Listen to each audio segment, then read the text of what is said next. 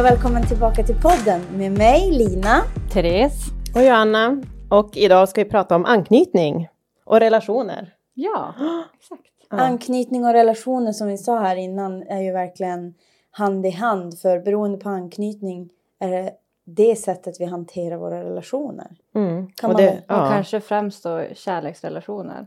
Precis. Skulle jag säga. Eller Är säkert alla relationer? Alla Jo, nära alla- familj. Jo, Ja, precis. Men, jag tror väldigt är nära, ja, väldigt nära relationer. Ja, Brukar för det anknytning. märks, Jo, att det märks tydligast i Mm. de som är närmast. Ja, jag Det- tänker också på min familj. När man är, men de säger jag är nära relationer Ja. till mig. Det är syns anknytning. Mm. Jo, Och, nej men det... Jo, anknytning det är då någonting som vi bygger upp under våran barndom. Eh, våra föräldrar eller vårdare. Mm. Mm. Eh, och då kan man ha otrygg anknytning, man kan ha trygg anknytning.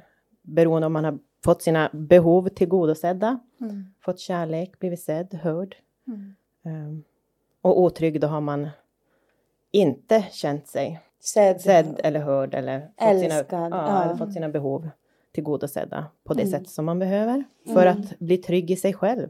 Det finns även en, faktiskt, jag börjar igen och läsa den här, faktiskt nu när vi skulle börja med det här avsnittet. Mm. En bok som heter Hemligheten Mm. till en kärleksfull re- relation. Och där finns det en studie om barn och jag tror att det främst var krigsdrabbade barn. Så där, eh, där blir de, alltså att deras föräldrar dött i krig.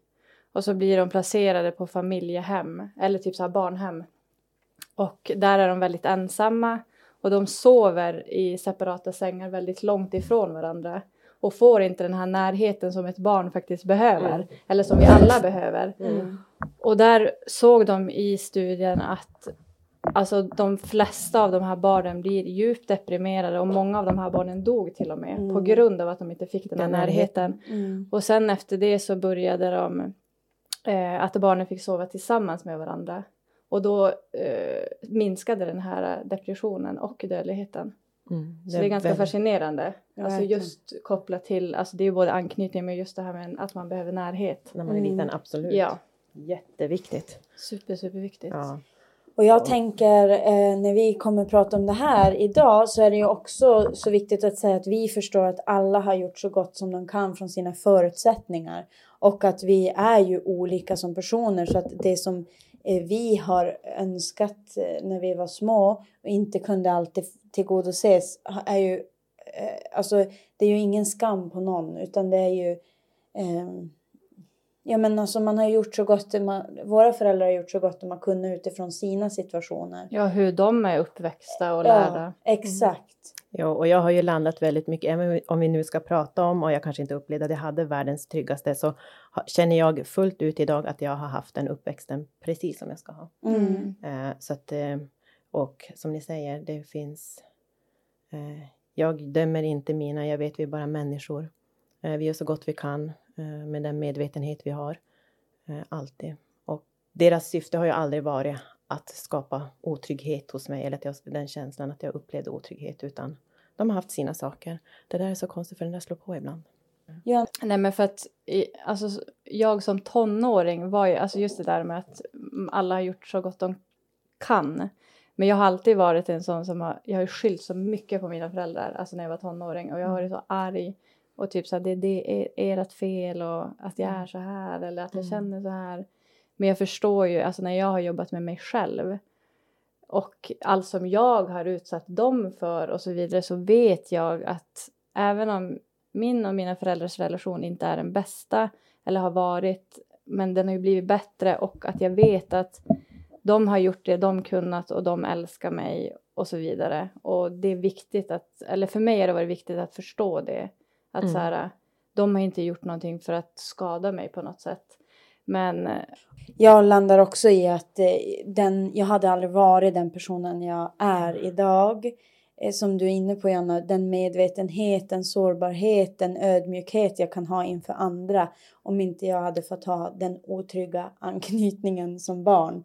Så jag ångrar inte heller någonting och det här är bara viktigt att understryka att varför vi vill berätta om våra otrygga mönster är för att vi inte vill att någon ska känna sig ensam men också att det går att gå från en otrygg anknytning till en trygg om man vill. Mm. Och eh, ja men bara det här uh, bryta barriärer. Det, Mm. det är inget konstigt. Men jag tror också ett första steg att kunna bryta det är att bli medveten om att man har en till exempel otrygg anknytning. Ja. Absolut, det är För första steget. Ja, för vet man inte det då är det så här bara, nej men mina relationer är bara skit. Ja. För att det är men, så. Men det där är så viktigt också för någonstans, vi har ju som en referensram, okej, vi har haft en otrygg anknytning. Men sen tycker ju egot väldigt mycket om att stanna i det där. Mm. Den vill inte växa utav det utan använder det för att jag mår dåligt på grund av det där. Och då lägger man bort ansvaret, för vi har alltid eget ansvar här och nu hur vi mår. Eh, Men egot vill gärna, ja men det är för att jag har varit med om det där och det där och visst, det kan vara jättehemska saker. Men här och nu har vi möjlighet att bearbeta allt det här. Mm. Eh, för, för helande sker inte där och då, utan det är någonting vi gör här och nu. Och för mig, på min egen resa, har ju varit att inte identifiera mig med eh, historierna som, Mm. ehm, Huvudet skapar. ja, som huvudet skapar, exakt. Mm. Tankarna skapar Ja. om det jag varit med om. För identifiera och fästa tag vid de tankarna så börjar vi hela tiden, eller då mår vi dåligt hela tiden. Mm. Så vi- ja. Ja, så vi måste våga släppa taget också om det. Mm. Eh, Så det har varit en jättestor del i mitt helande. Eh, Och jag har också varit så där att jag anklagar dem väldigt mycket. Jag vet senast igår. Men nu tar jag upp det för nu sa Ja. att vi skulle prata om Ja, anknytning. Så jag sa evigt tjat om min barndom. Ja. Och jag, ja, Ja. Men då tänkte jag, ja men säg då hur jobbig jag var som tonåring. Och pappa Ja. var ja. Han bara, nej men inte var du så jobbig. Det är väl mer nu du är jobbig. Manar honom. Ja. Ja, nej men han, vi har den jargongen så Ja. han, ja, så han Mm. skämtar ju väldigt Ja. mycket när han säger sådär. Ja. Jag bara, ja. Ja. Ja, here it comes. Ja, Ja, men, men- så kan nog mina föräldrar också känna. Att, Men jag sa det, jag pratar från ett perspektiv, en självdistans i det. Ja. Jag pratar inte från att jag är skadad nu utan nu, det är som att jag bara sätter upp så här var det. ja. Ja. Ja. Sen kan ju barn också tolka in saker och mycket större än vad det Mm. egentligen är. Ja. Um, och det är jag öppen för att jag kan ha gjort. Men samtidigt så har min hjärna registrerat, mina känslor har registrerat just det här. Alltså för mig Mm. är det sant, även om det kanske... Precis det som du belyser Anna, att vi har ju kommit från ett barnperspektiv med, med våra insikter och de från ett vuxet. Så såklart nu när bara sådana här saker som att själv få barn, bara aha, jag förstår. Ja. Men, men allt förstår man inte heller och när man får barn får man också tänka oj vad oskyldig jag var. Ja. Att så Såklart. här, det var ju faktiskt inte okej. Mm. Eh, men man förstår varför det blev så. Mm. Men sen måste man ju få ha sin uppfattning om saker och ting även om man är barn. Absolut. Och, så här, ja, men, och föräldrar uppfattar på ett sätt. För ibland har jag typ tänkt så här. Nu var det länge sedan, flera år sedan. Men att så här bara. Men gud, tänk om det jag tänker att jag har varit med om har jag inte ens varit med om. För att jag kanske har uppfattat det fel. Mm. Fast samtidigt fick jag också. Min mamma var ju och firade jul med min syster. Och då hade hon sagt till min syster, bara, gud du är så himla fin mamma och det är så naturligt för dig. Och för mig har det aldrig, alltså min mamma sa det, det var Mm. så här, bara, shit att du säger det. Jag hade Mm. den insikten, bara, för mig var det aldrig naturligt att vara mamma. Det var så här, just det här närhetsgrejen och alltså knyta an. Det Mm. var inte naturligt för henne och då har, för mig blir det ändå ett så här eh, kvitto på att så här, ja, men allt jag upplevt har inte varit bara en upp, utan det har verkligen varit så att det har varit svårt för henne. Mm. Och där har vår relation varit jobbig. Mm. Förstår ni vad jag menar då? Jo, men där har ju samtidigt gett en bekräftelse. Jo, det var ju Och det jag menar, att det blir en bekräftelse ja. att så här, okej, Mm. ja men jag är inte helt Nej. ute och cyklar. när Nej, det absolut gäller inte. Min, Men det är det här, vi får ju inte... När man är barn, då har man haft sin upplevelse oavsett om den har. Alltså det Mm. som man känner inombords eller det man känner känslomässigt att man har varit med om, det har man ju varit med om. Det är ju Mm. som sant för en, även om det från ett annat perspektiv kanske inte var riktigt ehm, på det sättet. Nu säger jag inte att det är så för dig, men, men att eh, oavsett vad, man måste ju arbeta för det som, arbeta med det man känner inombords Ja, i sig själv. ja, man kan ja. som det inte, man har. Ja, Ja. för man kan som inte heller Forcera nej, att ha nej. någon... Så låtsas som att det inte Ja. existerar utan vi måste ju Ja. arbeta med det som kommer. Ja. Eh, Det Och- som finns. Och det tänker jag, något som jag vill ge tips om ni vill göra, prata igenom med era föräldrar och så. Till någon har jag skrivit brev och ibland har jag berättat. Och är du själv förälder där ute till barn som pratar om sin barndom, tjatar. Då brukar jag säga så här. Det man behöver göra är att lyssna. lyssna utan att förklara ditt sätt. Om du vill göra det så välj en annan dag, en annan vecka, en annan månad där du väljer att berätta hur det var för dig. Mm. Men inte när barnet berättar utan bara lyssna för hur det var och upplevdes för den. Och bara ta in och bara oj, jag hör hur det här blev för dig. Det var aldrig min mening att göra så här. För egentligen är det det som räcker. För, för, I alla fall för mig har det varit så där. Jag tyckte min pappa har varit så bra på att ta mig för han har fan bara lyssnat.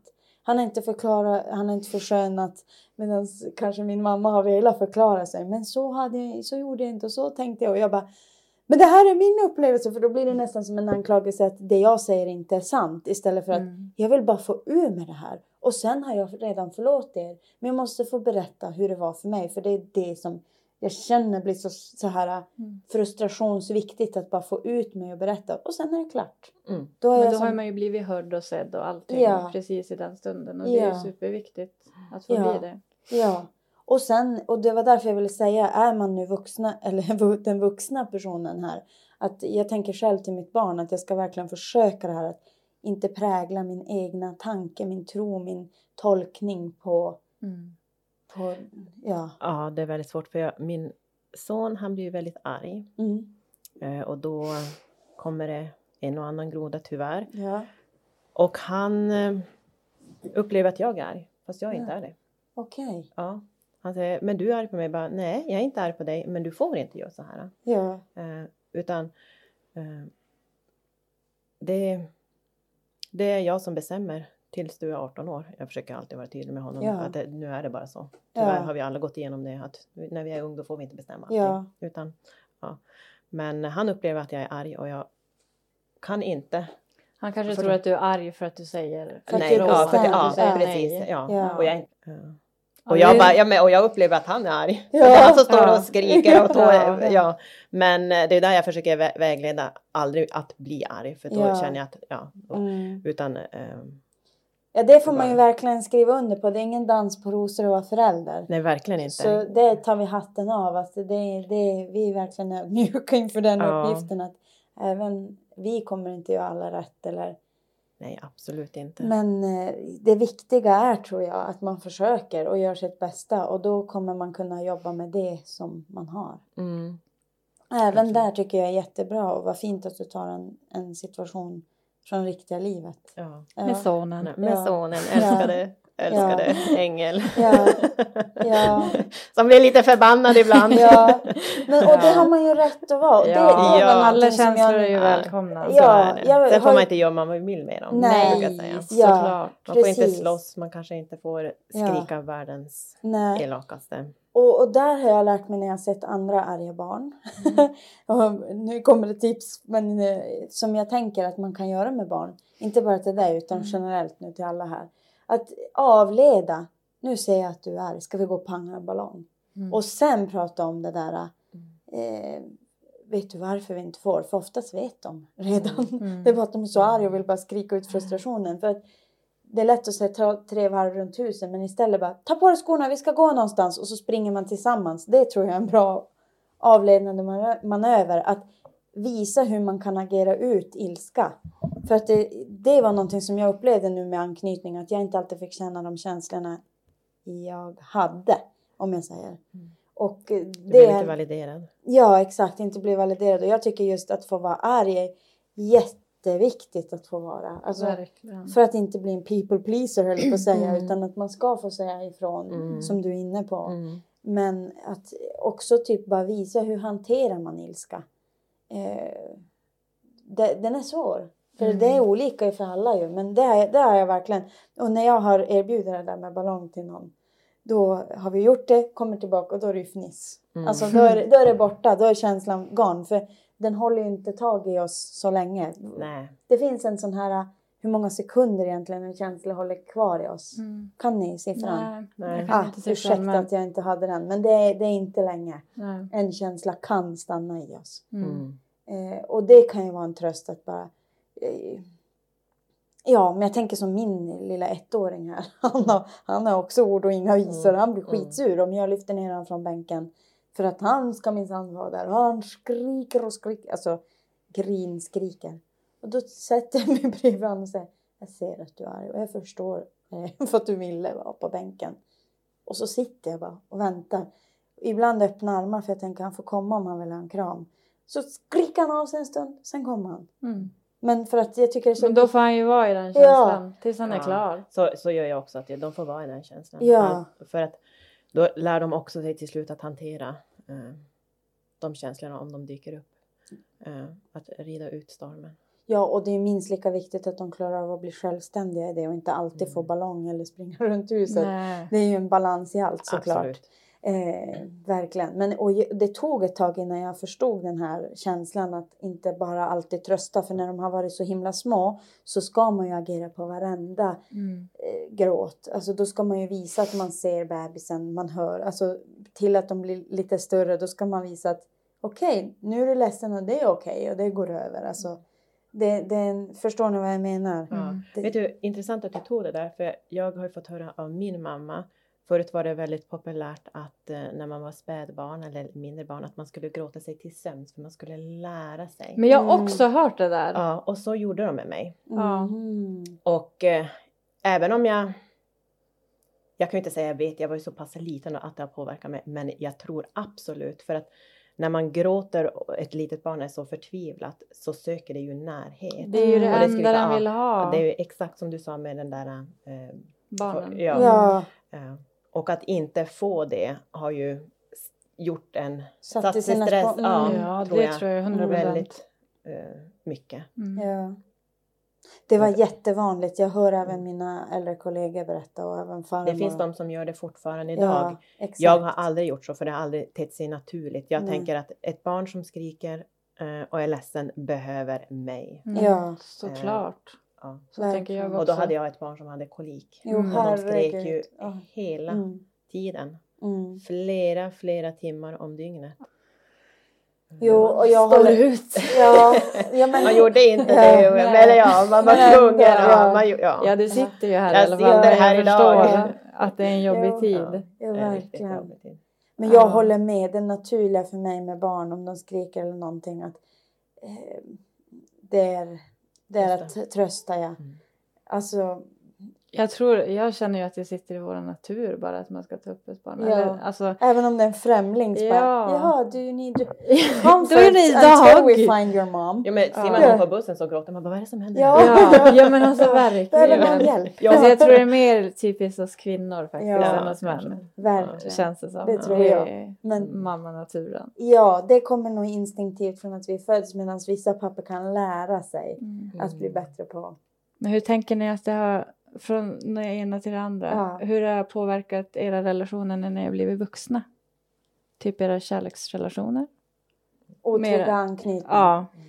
Ja, alltså jag kan berätta att jag var typiskt sådär undvikande att det här med eh, rädd att bli lämnad. Men, men jag hade mycket med det här med fysiskt. Jag tyckte det var hålla hand, alla sådana här saker. Det var ovant för mig. Mm. Eh, och då var det framförallt eh, Alltså min, min eh, pappa brukar jag beskriva det som jag då, att hans finaste ord är sov gott. Det var det han sa till oss. Det betydde typ indirekt, jag älskar er. Mm. Men det var så han uttryckte det och det var inte kramar eller, eller så på det sättet. I så fall var det brottning eller alltså liksom ni vet. Mm. Så att jag var jätteovan vid, vid fysisk beröring och när jag såg andra papper pussa sina barn i skolan och döttrar, det, tyck, det, var, det var På jättekonstigt. mig. munnen då eller? Eller överallt? Eh, ja, det kunde vara i pannan och vissa människor Mm. pussar på munnen. Men det beror också på. Jag minns att jag tyckte att det var jättekonstigt. Och när jag själv skulle vara offentlig med min första relation så där var jag sådär, oh, hålla handen på stan. Jag, blev- jag blev liksom,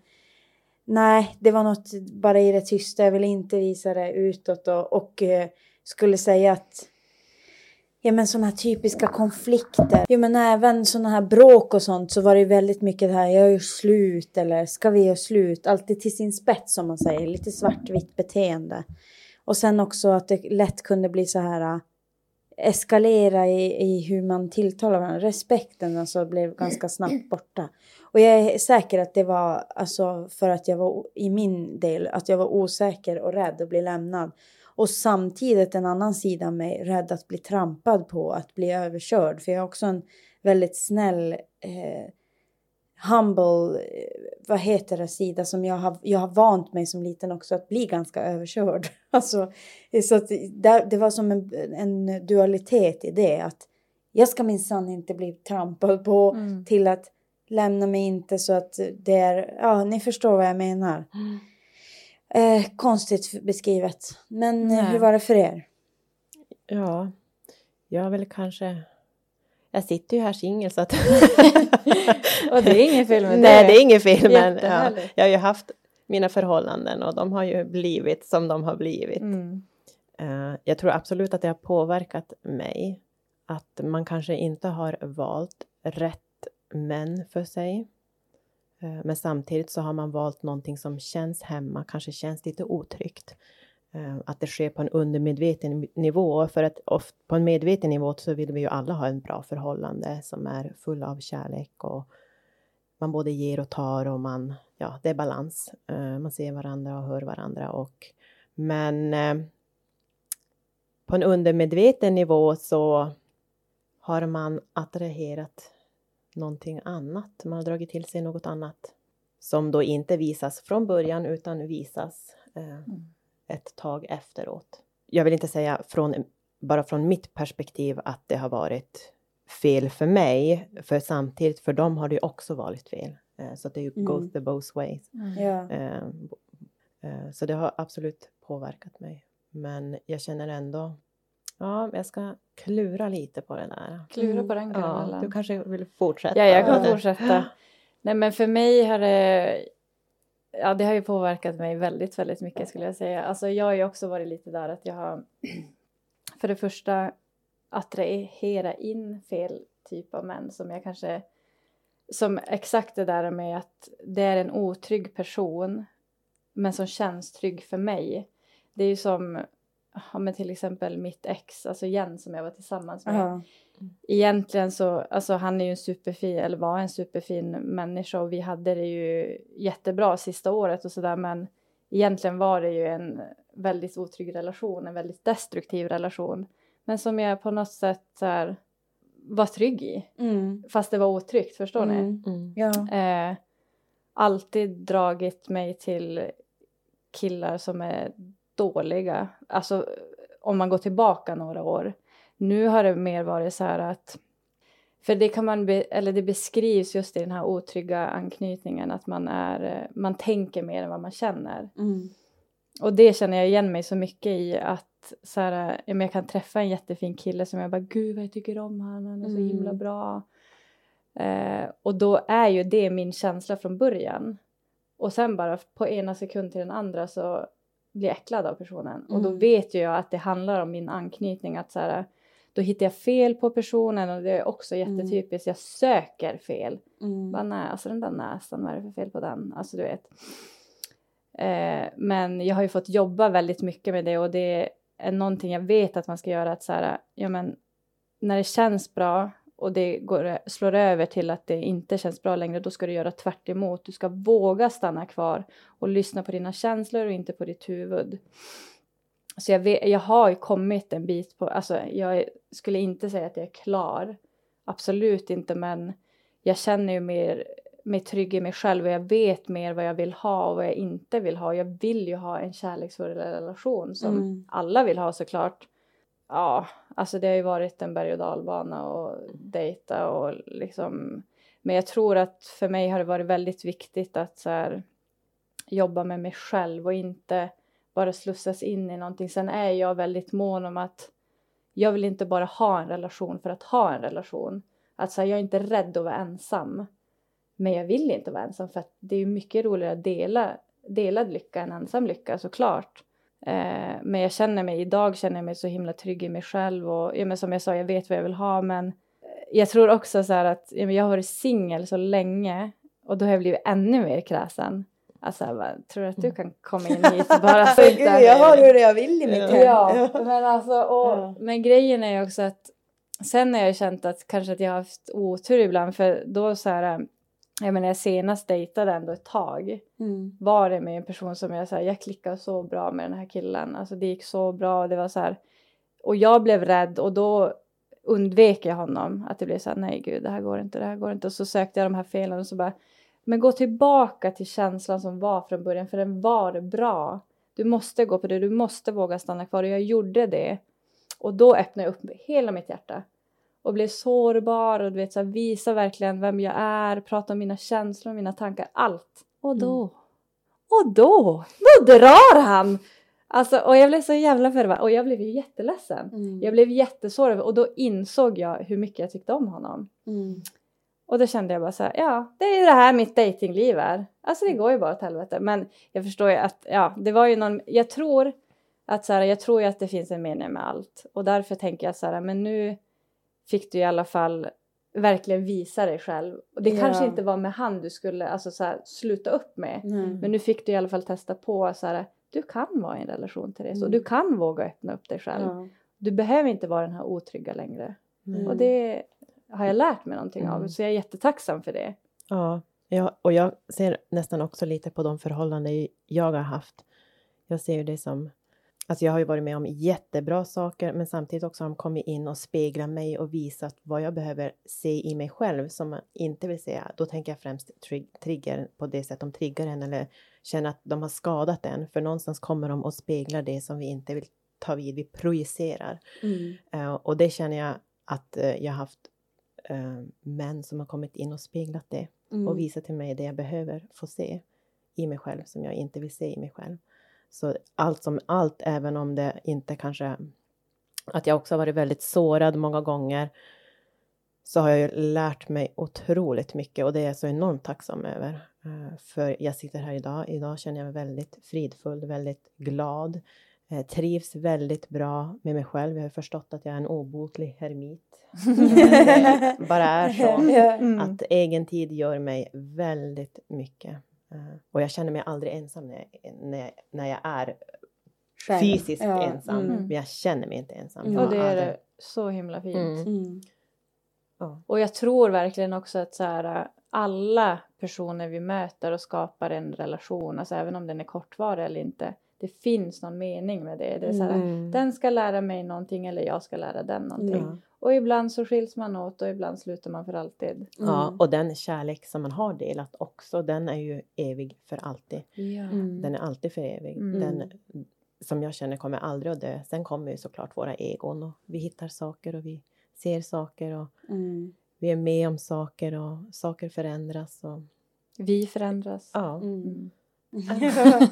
ja. Precis. Ja. Nej, men jag och tänker på det här som när vi pratar om eh, relationer. Jag brukar säga, för jag var 17 år när jag eh, träffade min första, eller min, jag har haft som två långa relationer kan man säga. Ena var ju 17 år när vi träffades och det var i nio års relation. Mm.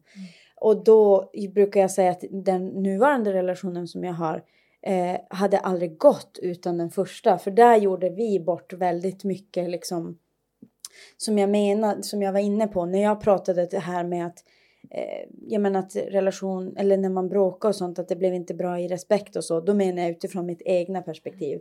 Alltså det jag har lärt mig om mig själv, att jag agerade på saker som, jag menar inte att någon av oss var perfekt, men när det var ett bråk och någon betedde sig barnsligt, om jag nu värderar det mm. så, men alltså omoget eller rädslosbaserat eller hur jag nu ska mm. förklara det. Om jag då hade varit trygg hade jag kunnat svara att det här sårar mig, det här eh, vill jag prata om sen, inte nu. Eh, hela tiden stå stadig. Men istället så speglar jag tillbaka och wow, alltså det gjorde Exakt. jag precis. Och, och jag har sett så mycket så här, det, här, det är så lätt i en långvarig relation att ta varandra för givet, att man förväntar sig olika saker och Eh, ja, men både känslomässigt och fysiskt. Alltså det är så lätt eh, ja, men med att ta för givet. Men också så här, hur vill jag vara som person i en relation? Det blev så tydligt för mig i den första. Att vad vill jag ta med mig eh, ur den här i min nya? Eh, och eh, nu är vi inne på sjätte året i min relation, nuvarande relation. Och där säger jag att jag jag vet inte när jag tänker på otryggheter. Självklart har vi varit med om saker som har varit otrygga. Men det har alltid landat i väldigt trygga saker och, och kommunikationen har alltid varit väldigt trygg. Så, så att jag hade aldrig kunnat ha den här trygga, stabila, grundade om inte jag hade gjort bort det där. Alltså för jag har sett till och med situationer där jag bara oh shit, vad tur att jag har fått träna Ja. på det här. För att jag, det är klart att man vill ju inte, oavsett hur någon bemöter mig så vill ju jag vara stolt över hur jag bemöter tillbaka. Mm. Vi säger att någon snäser på mig på stan så vill jag ju säga ha en bra dag i- istället för att bara Mm. hur fan lå-" Alltså ni förstår vad jag menar. Mm. Så att jag kan inte ta ansvar för andra människors beteenden och den, den biten har jag klippt väldigt mycket från min förra relation. Jag tar inga ansvar alls över någon annan, bara Mm. mig själv och jag ser mig själv i ett annat ljus när, ja men ni förstår vad jag menar. Mm. Men och där, ja det är som en tacksamhet också att vi fick träna bort det där så att jag Mm. kan leva med den här mannen som jag verkligen älskar och få vara trygg med. Ja, jag vet Ja. inte hur jag ska Ja, förklara. men jag Jag är när du pratar om det där så kommer jag på, jag har ett väldigt toxic beteende. Det har jag, kom jag på. Och det tror jag härstammar från när jag var liten i och med Ja. att jag inte kände mig sedd och hörd. Så att, att jobbiga känslor, jag är så van att ta hand om det själv. Jag, vill, Mm. jag släpper inte in någon. Mm, Så att för mig är det min natur nu. Jag, det bara är så. mm, Eh, och det har jag, vet jag, när jag kommer till en nivå när jag känner att jag kanske skulle ha lämnat ett förhållande tidigare men jag har valt att stanna kvar eh, och känt att jag har blivit sårad så gör jag, alltså då är det blocken. Det är Mm. liksom radera och blocken på alla möjliga Mm. sätt. mm, Eh, och eh, det är väl det jag känner att jag inte eh, har kunnat vara medveten i de situationer när jag har blivit så pass sårad Mm. utan då har det liksom, eh, då har jag reagerat direkt och då är det Mm. liksom Det blocken gjort för alla. ont. Det, ja, eh, och jag skulle in, ja, det är väl inte ett beteende som man är så himla nöjd med om man säger så. Mm. För jag vill ju självklart säga att nej, så är jag inte. För Mm. jag vill inte vara så, men samtidigt så, det är därför jag säger nu att det är så viktigt att vara sann i sig själv och det är Mm. det här jag nu är på den resan att Upp till ytan med allt. ja, du är och var det medveten om ja, det och det är första steget. Mm. ja, Om det är till någon tröst Jonna så har jag också gjort så. mm. Inte i min nuvarande relation men jag har gjort Mm. det. Så att eh, blockat överallt. Ja men alltså verkligen. Tagit bort överallt. Ja, men blocka. delete, Ja. Ja alltså Det verkligen. exakt så jag När gjorde bara- nu också. Jaha, för jag också blev så det. ledsen och sen har jag tagit tillbaka det. Ja. Jag bara, Lägg till. Ja. ja det har jag också. Ja. Ja, bara- Nej men alltså jag håller med. Det är klart att det är toxic att man får inte, ja. Men samtidigt för blir det det- ett skydd. Ja, det är ett jättestort skydd. Ja. Då har man Jo. blivit skadad på den nivån. Liksom, nu kan jag inte handskas med det Nej. här. Du måste raderas. Ja. Men, eh, Men till min ursäkt så, om inte en person svarar och jag bara, jag är jätteledsen. Ja. Du svarar inte. Ja, då tar jag bort dig. Då Ja. tar jag bort Då dig. raderar man, det går mycket Ja, lättare. det går men, mycket lättare. jag men så ångrar jag ju mig Ja. när jag har kommit ur känslan av Ja. okej, Ja. Nu är det lugnt. kanske det var lite drastiskt. Jo men precis, det blir lite drastiskt och Ja. lite impul- impulsivt. Ja, exakt. Och bara att jag ska Mm. radera bort allt. Vad gör det för Mm. skillnad då egentligen? Alltså helt ärligt. Ja, Alltså, det känns ju ja, bra det- inombords jo, bara. alltså, Hörru det du din det. jävel. ja, men nu straffar det, det, är, det är lite så ja. Ja. För jag tänker att oavsett hur ilsken och arg man är på varandra och blockar, för man behöver alltid komma tillbaka till att säga hej då på, man behöver alltid sitt closure. Mm. Ja. Mm, och, och jag vill bara säga, då har det nått en gräns där Ja. jag känner att Hit Ah. men inte längre. jo, men Ja. då har jag som du säger, jag kommer ju ändå tillbaka när jag Ja. lugnar ner mig. Men ja. då har, där och då så behöver jag eh, lyssna mer inåt och förstå att nej, mm. this Men- is not for you. Behöver man verkligen det där closuret alltid? nej va? Alltså, kanske förstår inte ni? alltid. För jag fick upp så mycket. Ja. Alltså sådana där okej, videos. ja. Alltså som att bara, ja men varför behöver jag det då? För jag Ja. vill ha det. Jag bara, jag vill bara prata Mm. med dig. Och jag vill bara få ett slut på det här. Men samtidigt så här, om någon inte behandlar mig, Värre. bra. Nej. varför ska jag då? Alltså då är det lika bra att klippa. Jag Ja. klipper dig. Mm. Men Eller det jag tänker som... härifrån. Jo, jag förstår. Ja. Det jag tänker i din situation, Janne, när du känner nu behöver jag få vara i fred. Då är det ju så här, stänga av mobilen. Men det är kanske också när man har barn och liksom svårt, man behöver vara anträffbar. Men, så det, det kanske är lätt att det blir block då. Mm. Ja. Blocken och det här är typ en av de absolut så ghosting, eh, Ja, fulaste ja. toxic behavior Jo. som finns på många. Jag hade blivit förbannad om någon hade blockat mig. Alltså vad det. gör du? Och saken är att jag, ja, man kan ju sätta sig in i situationen, jag skulle aldrig vilja uppleva Men här tränar vi oss och vad gör vi nästa gång? Vi skriver jag behöver tid. Ja. Jag behöver tid. Och sen om någon fortsätter skriva eller ringa. Jag behöver tid. Jag kommer Mm. höra av mig när jag klarar av det. Jag behöver tid. Jo men precis. Man, Eller? ja, man, jo, man får ju vara en, försöka vara en bättre hela tiden. Utifrån Alltså eller typ så här, tänka typ så här, men hur hade jag velat bli behandlad i den här situationen då? Mm. Det är så man ska tänka i alla Mm, situationer, ja. alltid hur Men man det är behandlar jättesvårt Det är det. Det är det, det är det här som är med triggers, när man blir sårad för då man tapp, man går så fort, Mm. jag säger som jag säger att egot tar över och Ja. då blir det att man reagerar utan Mm. man hinner inte bli och medveten. Nej. blir... Nej, det det blir ju i affekt. Och det är Mm. de, det är de situationer som är de absolut bästa eh, eller vi har Lär- mest möjlighet att lära oss, Att lära oss, ja. om Mm. oss och lära oss och, om oss själva. Ja, och grunda i den här inre friden som alltid finns här oavsett vad som händer Mm. utanför oss själva. Men man måste ju typ tänka så här, varför blir jag så här extremt triggad Mm. av den här situationen? Mm. Vad är det som händer i mig? Varför blir det så här Ja, starkt? Jag kan säga från min egen, eh, från min egen upplevelse när jag har gjort det, det är att jag inte har varit sann i mig själv. Mm. Jag har varit för kanske people pleasing. Jag velat, jag har så lätt och ibland sätta mina egna behov för att vara där för någon annan. Mm. Eh, vilket jag tycker, man ska aldrig sätta sina behov åt sidan sådär, men jag tycker att finna, det är fint att finna, finnas till där för någon annan. Eh, Mm. jag, det är inte Man någonting jag bra skulle, det. ja, jag... eh, Ja, det är dubbelt för det är det som är så viktigt. För Ja. när man gör det och det går över ens gränser eller det Mm. tar energi på ett sätt som man inte ville. Då, då bygger det där en, en, en, i en skål så blir den fullare och fullare och då när något händer sådär som är väldigt sårbart då blir det jättetydligt och då Mm. har man ju hur mycket bevis som helst i den där skålen. Mm. Att den här lyssnar inte på mig, den tar inte hänsyn till mig. Alltså då har man ju samlat allt. Så det är jättefint att finnas där för andra när man Mm. själv har den kapaciteten, det utrymmet. Och det tror jag är en Absolut. utmaning att bara, det passar inte nu. Nej. Men jag kan, Nej, men gå, jag kan gå och handla åt dig imorgon istället. Mm. Ja, Jo, men jag förstår. Ja. Nej men så är det ju. att man verkligen är full on honest. Alltså, det är ju blandat, för vissa är ju tvärtom. De är inte alls det här hängivna. Alltså min sambo är så här, va? Varför skulle jag lägga tid på främlingar? Mm. Jag har nog med mig själv och mina närmsta.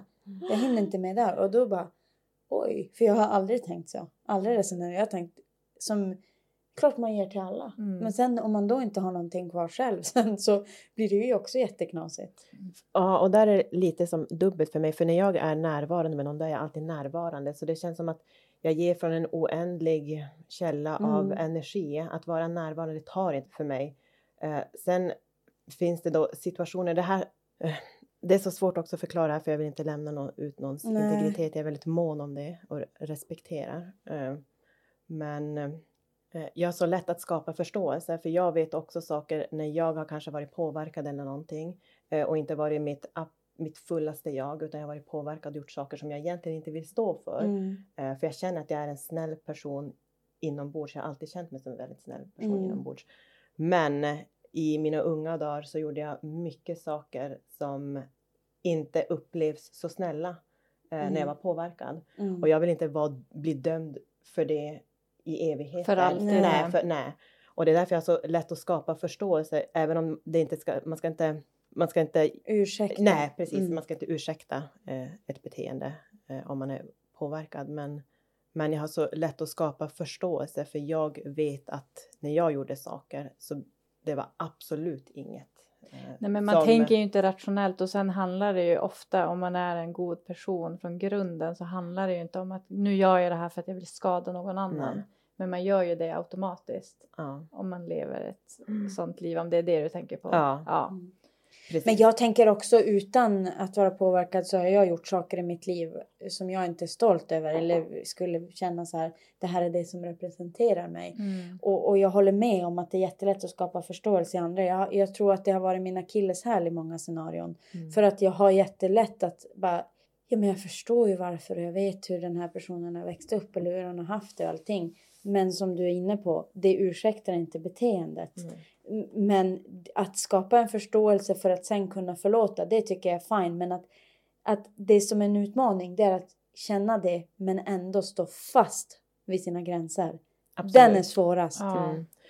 Jo, men för sen också i den resan som jag har för, försökt frigöra och förlåta andra är ju också min egen frigörelse och mitt eget förlåtande. Exakt. Så att, Verkligen. så att Mm. hur jag behandlar, som du också sa, tills, eh, att hur jag behandlar, han- behandlar andra är ju hur jag behandlar mig själv också. Det speglar väldigt mycket. Så vill vi fängsla andra och döma andra så gör vi ju även det till oss själva. Mm. Så att, för att få kontakt med vårt inre här så kan vi använda det vi ser Mm. utanför oss Mm. själva. Och är vi villiga att förlåta och frigöra andra. Eh, Och inte Hur man hålla... är på dem. Ja. Mm. Jag brukar säga att det är som att dricka sitt eget gift av att gå och hata och på situationer på människor det än är. Och, och eh, alltid när jag ska prata med någon som är lite i affekt om man säger sådär och bara varför eller är sådär, ni vet, Mm. kanske lite orationell. Då säger jag, ja men inte för någon annan än för din egen skull. Du ska förlåta för din egen skull för att du inte ska gå runt i den här energin varje dag eller varje gång du ser en människan eller för att det påminns så behöver du göra ett jobb här. Inte för att det rättfärdigar beteendet, inte för att det är eh, på något sätt att du säger att det var okej utan du accepterar situationen, du tittar på den för vad den verkligen är, släpper den fri för att bli fri. Mm, Mm. Verkligen. Mm. Jo gud, det var någonting som jag fick lära mig. Jag vet inte vem det var som sa det. till mig. Det kan ha varit du Lina. Ja, man vet Alltså aldrig. just det där med förlåtelse. För att jag har ju varit så himla arg på min mamma. Mm. Alltså jätte, jätte arg. Och för min, med min pappa har det varit så här. Vi har ju en jättebra relation idag. Utifrån den som vi har haft. Eh, men att jag har ju gått runt med. Alltså så fort jag har sett en bild eller Mm. någonting. Alltså jag blir så arg och så Mm. påverkad av det.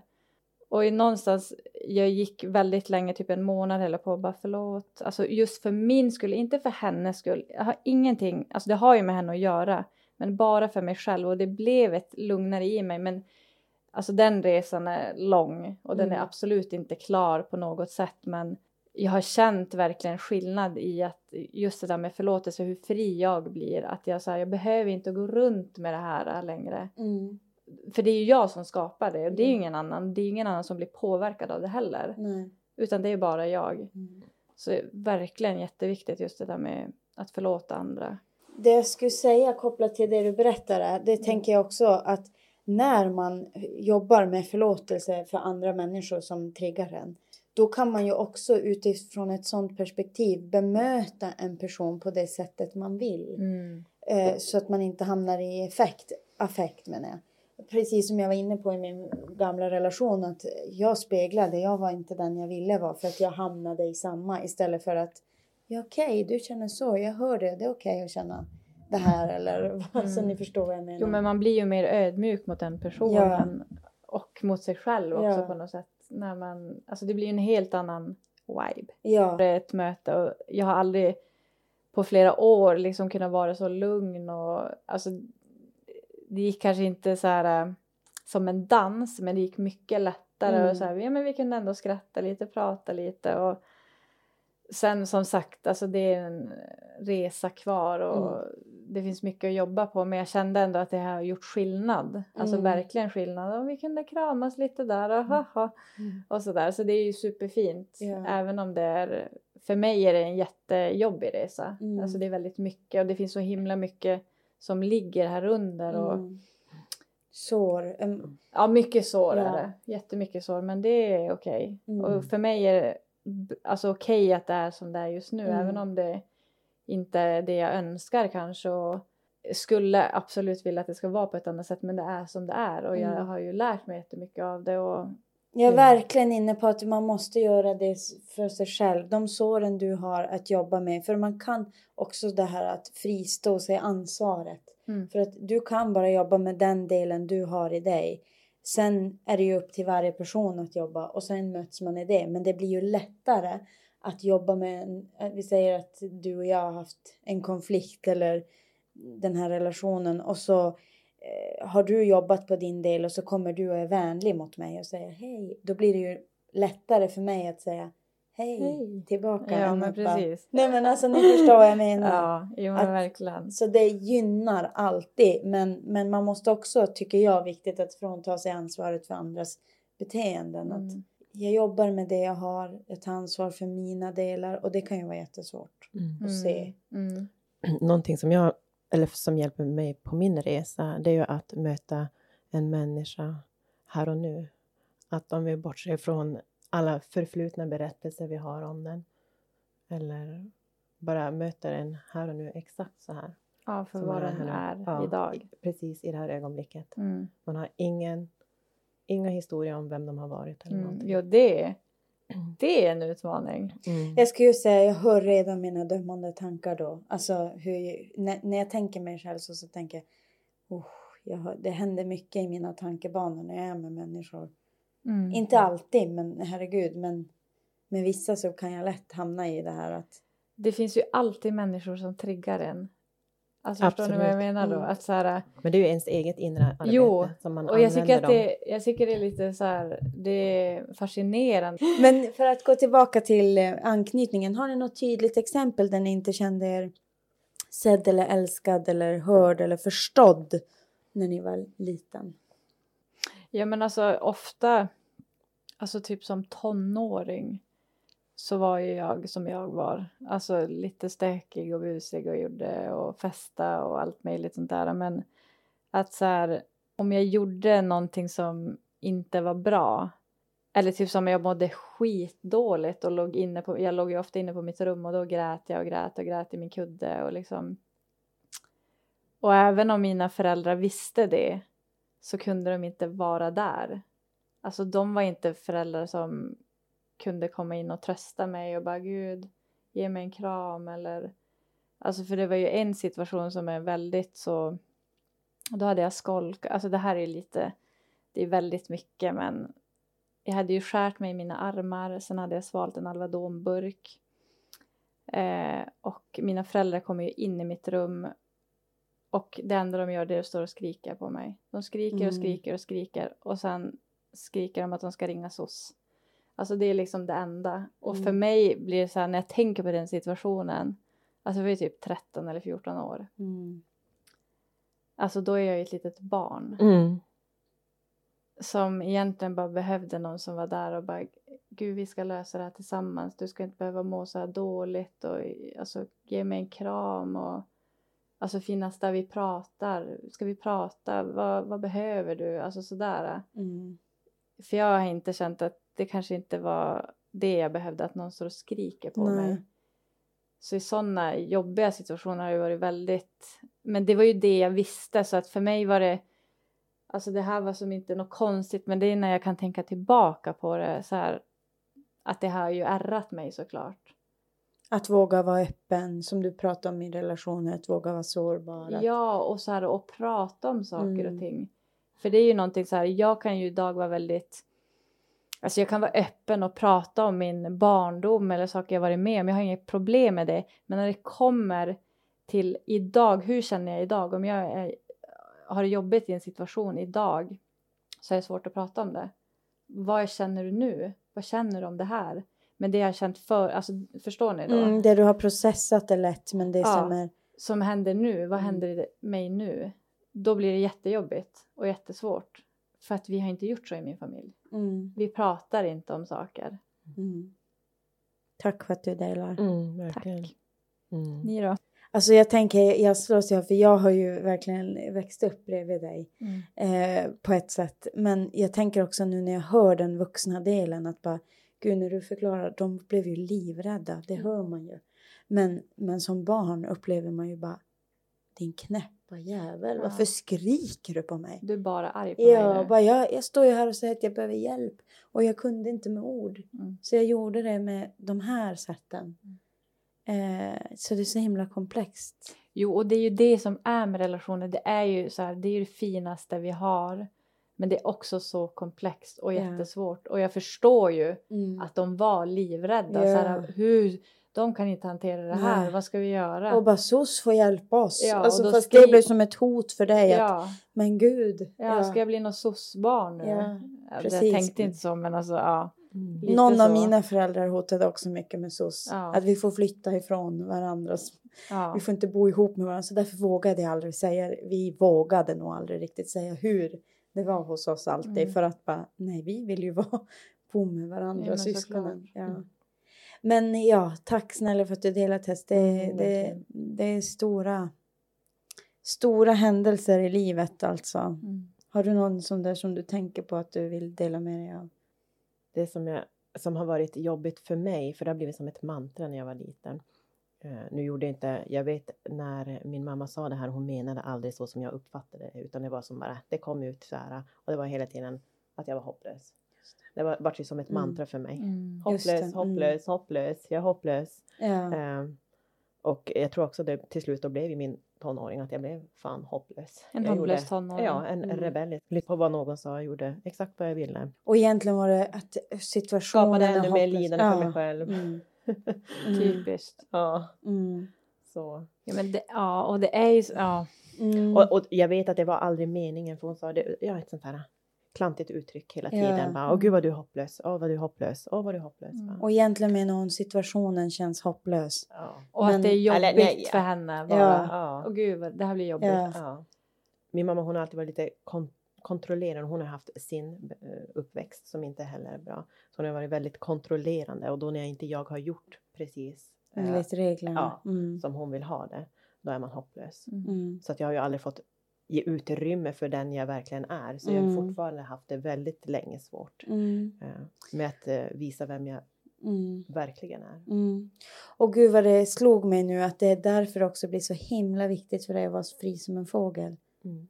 För det är ju verkligen ja. så viktigt. Inga regler, alltså Nej. helst. Ja, men igår frågade jag, för jag försökte bara, men hur upplevde ni mig när jag var liten? Ja. Eh, nu när jag sa vi skulle prata om anknytning. Ja. Och det var, men inte kommer vi ihåg och sådär. mm. uh, men sen fick de som fram att jag var väldigt snäll, duktig, glad och rättvis. Mm. Det var de fyra. Det var jättefint. Jättefint. Ja. För jag frågade, jag frågade dem bara, men var jag blyg? För jag upplevde att jag var väldigt mm. blyg och försiktig och sådär. Mm. Bara, nej, det var du inte. Ja. Va? Mm. Jätte. Hur upplevde du när du träffade? Nej, men jag tyckte inte heller du var blyg. Jag tyckte, tyckte du var modig och jag, jag kommer exakt Varför har jag den känslan ja. av att jag är så extremt Ja, blyg? det är så kul det där som vi pratade om hur andra upplever ja. hur ja. man upplever sig själv. Ja. Jag tänker bara, ville du ha en hund och såg du till att få en hund? Alltså, På det sättet har jag ja. varit väldigt välsignad. Ja. Jag har fått de djuren ja. jag ville ha och ja. vi hade ju ja. mycket roligt när ja, vi verkligen. kom. Och, så så mm. det är som både och. Ja. Det har varit många, många, ja. många bra stunder också. Verkligen. Ja, nej men relationer är ju komplexa. Mm. Det är svårt, men vi behöver dem. Människor tränger andra människor. Ja, vi tränger ja. varandra. Eh, vad önskar ni i en relation? Alltså om ni får välja, vad är det viktigaste för er? Och då tänker jag nu främst kärleksrelation. För mig har det nog blivit att i och med att jag läser mycket om samhället, vad som händer bakom kulisserna eh, och sen min inre resa. Nu kallar jag det Gud, men om man är obekväm med det kan man tänka kärlek eller vår källa. Eh, så det tror jag är väldigt viktigt för mig, eh, att man delar det den här resan att gå in i sig själv, det handlar ju också om att eh, ge mer kärlek och arbeta mycket med sig själv och mm. förstå att man har eget ansvar över sina egna känslor och sin egen lycka och sen kan man dela den lyckan med varandra men att inte ha den här förväntningen på varandra att den andra ska göra mig lycklig. Mm. Utan det är någonting som kommer inifrån som man sedan delar med varandra och att den är passionerad med det den gör. Inre frid. Mm. Tro på sig själv. Mm. Ja, alltså för mig har det blivit väldigt, väldigt viktigt hur den får mig att känna. Mm. Alltså att jag känner mig trygg här, att det, är så här, det ska kännas enkelt. Men jag tror också på att jag behöver någon som kan utmana mig. För mig tror jag att det är jätteviktigt. Alla kanske inte känner för det, men jag tror verkligen att det, det, det är en bra synk för mig. Men att känna mig trygg och sedd och hörd inte känna mig dömd eller att jag så ska kunna vara mig själv fullt ut. För, för mig är det verkligen, jag vill ju ha den här bästa vänkänslan men mm. att det ska vara en kärleksrelation ändå. Det tror jag är alltså det främsta just alltså hur, hur personen får mig att känna och men sen massa andra saker att vi ska ha roligt tillsammans och kommunikationen ska vara där. Eh, men sen att Alltså att man ska växa tillsammans.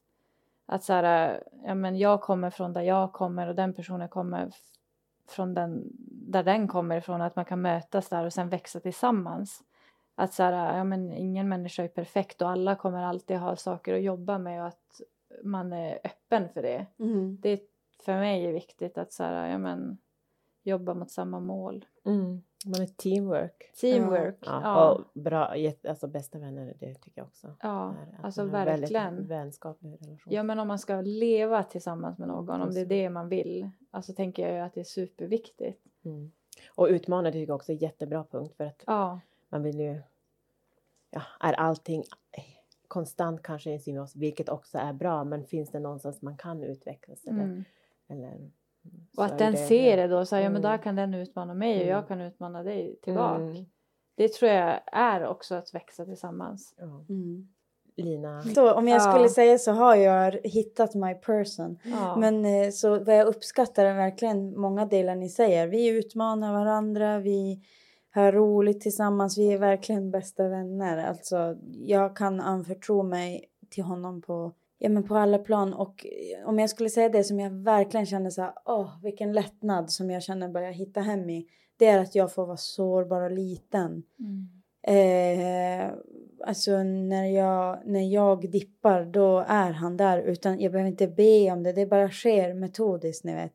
Och att jag inte behöver känna någon press, stress. Ja, det, det är så genuint alltså i relationen och ja, men som sådana saker. Var med vänner, gör podd, alltså ni vet. Jag uppskattar bara att du gör det. Jag blir glad när du är glad. Alltså ni vet den här grejen när någon är så snäll. Mm. Eller nu är det inte någon jag pratar om. När min sambo är så Mm. open-minded och hjärtlig. Alltså ni förstår ju hur lätt det blir att ge tillbaka också samma energi. Det blir, alltså vi vi är sällan tjafsers. Alltså det är inte vår melodi. Vi har också, som ni säger, växt. Vi, vi har varit på olika håll, båda i långa relationer och mötts och valt att växa utifrån det. Så båda testade och gjorde bort det där till att nej men vi vill inte vara personer som bråkar om diskmaskinen, vem som fyller den, vem som dammsuger, utan vi ser det så här, just nu, det kan vara en period som man gör jättelänge, men vi, vi tänker alltid att vi ska leva hela livet med varandra, så att det jämnar alltid ut sig. Mm. Och det gör att det blir så tryggt, harmoniskt. Alltså idag, jag har fått ligga i sängen och se tv, även igår bara, ni vet, vi är ändå barn, han passar på att göra det där för att han ser att jag behöver det. Och jag bara, det är så fritt. Det är Mm. noll krav. Och det är jättehärligt. Ja. Jag hörde faktiskt någon psykolog som pratade om det där. Hon och hennes, jag tror att det var hon som var psykolog eller så var det han. Ja, skitsamma. Men de hade väldigt, väldigt bra kommunikation ska jag säga. För då, då hade de en, en grej sen när de kommer tillbaka från jobbet. Eller så här, Idag har jag 20 procent att ge. Ja. Jag har 20 procent, hur mycket har du? ja. Och så får man mötas där och, Ja. och så samarbetar man utifrån det. Mm. Att så här, jag har inte mitt allt idag tyvärr. Ja. Och den ser det, och så här, eller hör det och så här, Ja. okej men jag sköter det. Ja. Jag sköter resten. Mm. Och så jobbar de utifrån det och jag tycker det var ja, väldigt fint. Men, jättefint. Det är typ sådär som vem har, om vi nu alla tre här ska låna mobilladdaren och bara, "Vad- hur många procent har du? ja, Och så bara, du har 18, jag har 23, du Ja. har 50. Ja, då är det du som får den. ja Mm. precis. You need it the most. Mm. Ja. Som jag säger, att jag tänker att jag ska leva med min sambo hela livet så är jag ändå inte rädd för att eh, vara själv eller bli lämnad eller på något sätt idag. Jag, jag vet att jag är självständig och Mm. är i en relation för att jag vill vara i en relation, inte för att jag behöver det på något sätt, varken ekonomiskt, känslomässigt eller vad finns det mer?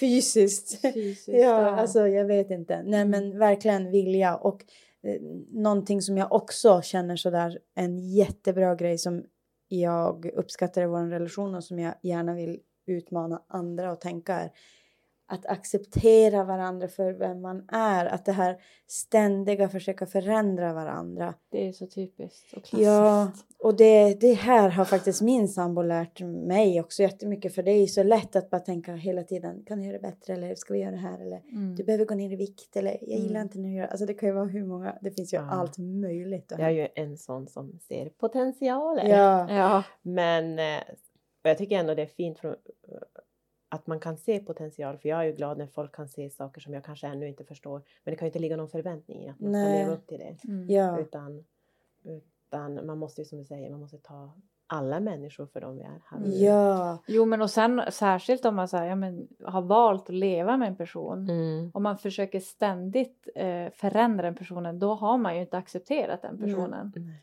Men och det, jag tycker du nämner något fint med potential. Där tänker jag bara också, det är ju en annan grej. Jag, något som jag inför, jag kallar det utvecklingssamtal, men det är för att beskriva det. Men det är ju att man ska ge varandra tid i samtal. Mm. Vad går bra i vår relation? Vad vill vi utveckla? Och det är lite samma som du är inne på då. Om man då har ett samtal med sin partner där man ser potential, då är det ju också hur man gör det. Alltså inte bara, alltså jag tror inte du är lycklig, du behöver, eller, eller den här. Du, jag ser att du är jättebra på att måla och jag skulle vilja se vad som händer om du lägger mer tid på det. Mm. Jo, Alltså, jo precis. det, det är ju inte att förändra Nej, någon. det är ju en annan sak. Ja, det är Alltså, ju ju att verkligen det uppmuntra Ja, bra saker och det tycker jag är jätteviktigt och super. Absolut. Det är lite utmana skulle jag säga. Ja, Att- utmana. 100%. Eller bara, har du tänkt på det här? Jag ser dig i det här och bara skulle tycka att det var så. Alltså, Mm. ni förstår vad jag menar, att man kommer från en annan källa av kraft men när man ja, men uppmuntrar varandra. Till, Absolut. ja, Jo, men och sen när man lever tillsammans med någon så kommer det ju alltid upp kanske nya sidor som man Mm. aldrig har sett innan och då är det så här, ja men jag älskar ju den här personen ändå och jag Ja. accepterar dig som det är. ja, Sen kanske man inte kommer tycka om alla sidor alltid, Nej. men man accepterar det. ja. Och För att man älskar det. beteenden är ju något annat. Det Ja. tycker jag är viktigt. att äh, Nu menar inte jag att man ska älska alla beteenden och gå Mm. med på allt. Jag menar bara att det här med att tänka att när man väljer en partner då väljer man hela den. Mm. Och såklart som ni sa så kommer man ju med olika lärdomar, läxor. Men att liksom landa i att den här personen har det här, det här kommer jag behöva ge tid till. Mm. Eh, om den ens vill jobba med det eller växa med det. Men Mm. ja, och att det är ju viktigt att det där när det är någonting, det här beteendet eh, skrämmer mig, att man uttrycker det. Men alltså, ja men ni vet, i Mm, respekt. ja. Respekt är en eh, jätteviktig grej, men det är en hårfin, den är svår, den är lätt att ta sig över. Mm. Eh, Mm. Att behålla. Jo, det beror ju på hur personen tar emot saker och ting också Ja. tänker jag. Och då tänker jag att det bästa är att vara den stora själv, för att det speglar ju så mycket. Det är samma som jag var inne på, om du alltid tar mig i storsint. Man bara inspireras av varandra. Men det är ju så. Det är ju hur man säger saker. Mm. Och, och vad källan är i det. Att det inte Mm. får vara den där dolda agendan att man vill förändra en person. Eller kritisera. ja, Utan, som du säger, att man uppmuntrar. Man kommer från en källa av kärlek. ja. Mm, precis. Och verkligen en genuinitet i det man säger. Att Mm. det skulle vara så kul att se dig blomstra i det här. Och... Nej men hörni. Vi knyter ihop säcken. Ja. Ja. Idag då har vi alltså pratat om våra anknytningar, våra relationer. Ja. Eh, Tack vi- för era delningar. Ja, tack Och för att ni är med. Men eh, med det sagt så säger vi, vi finns ju där poddar finns. Dela gärna, sprid Mm. till era vänner. Sprid budskapet vidare. Tack för att ni lyssnar. Tack för att ni lyssnar.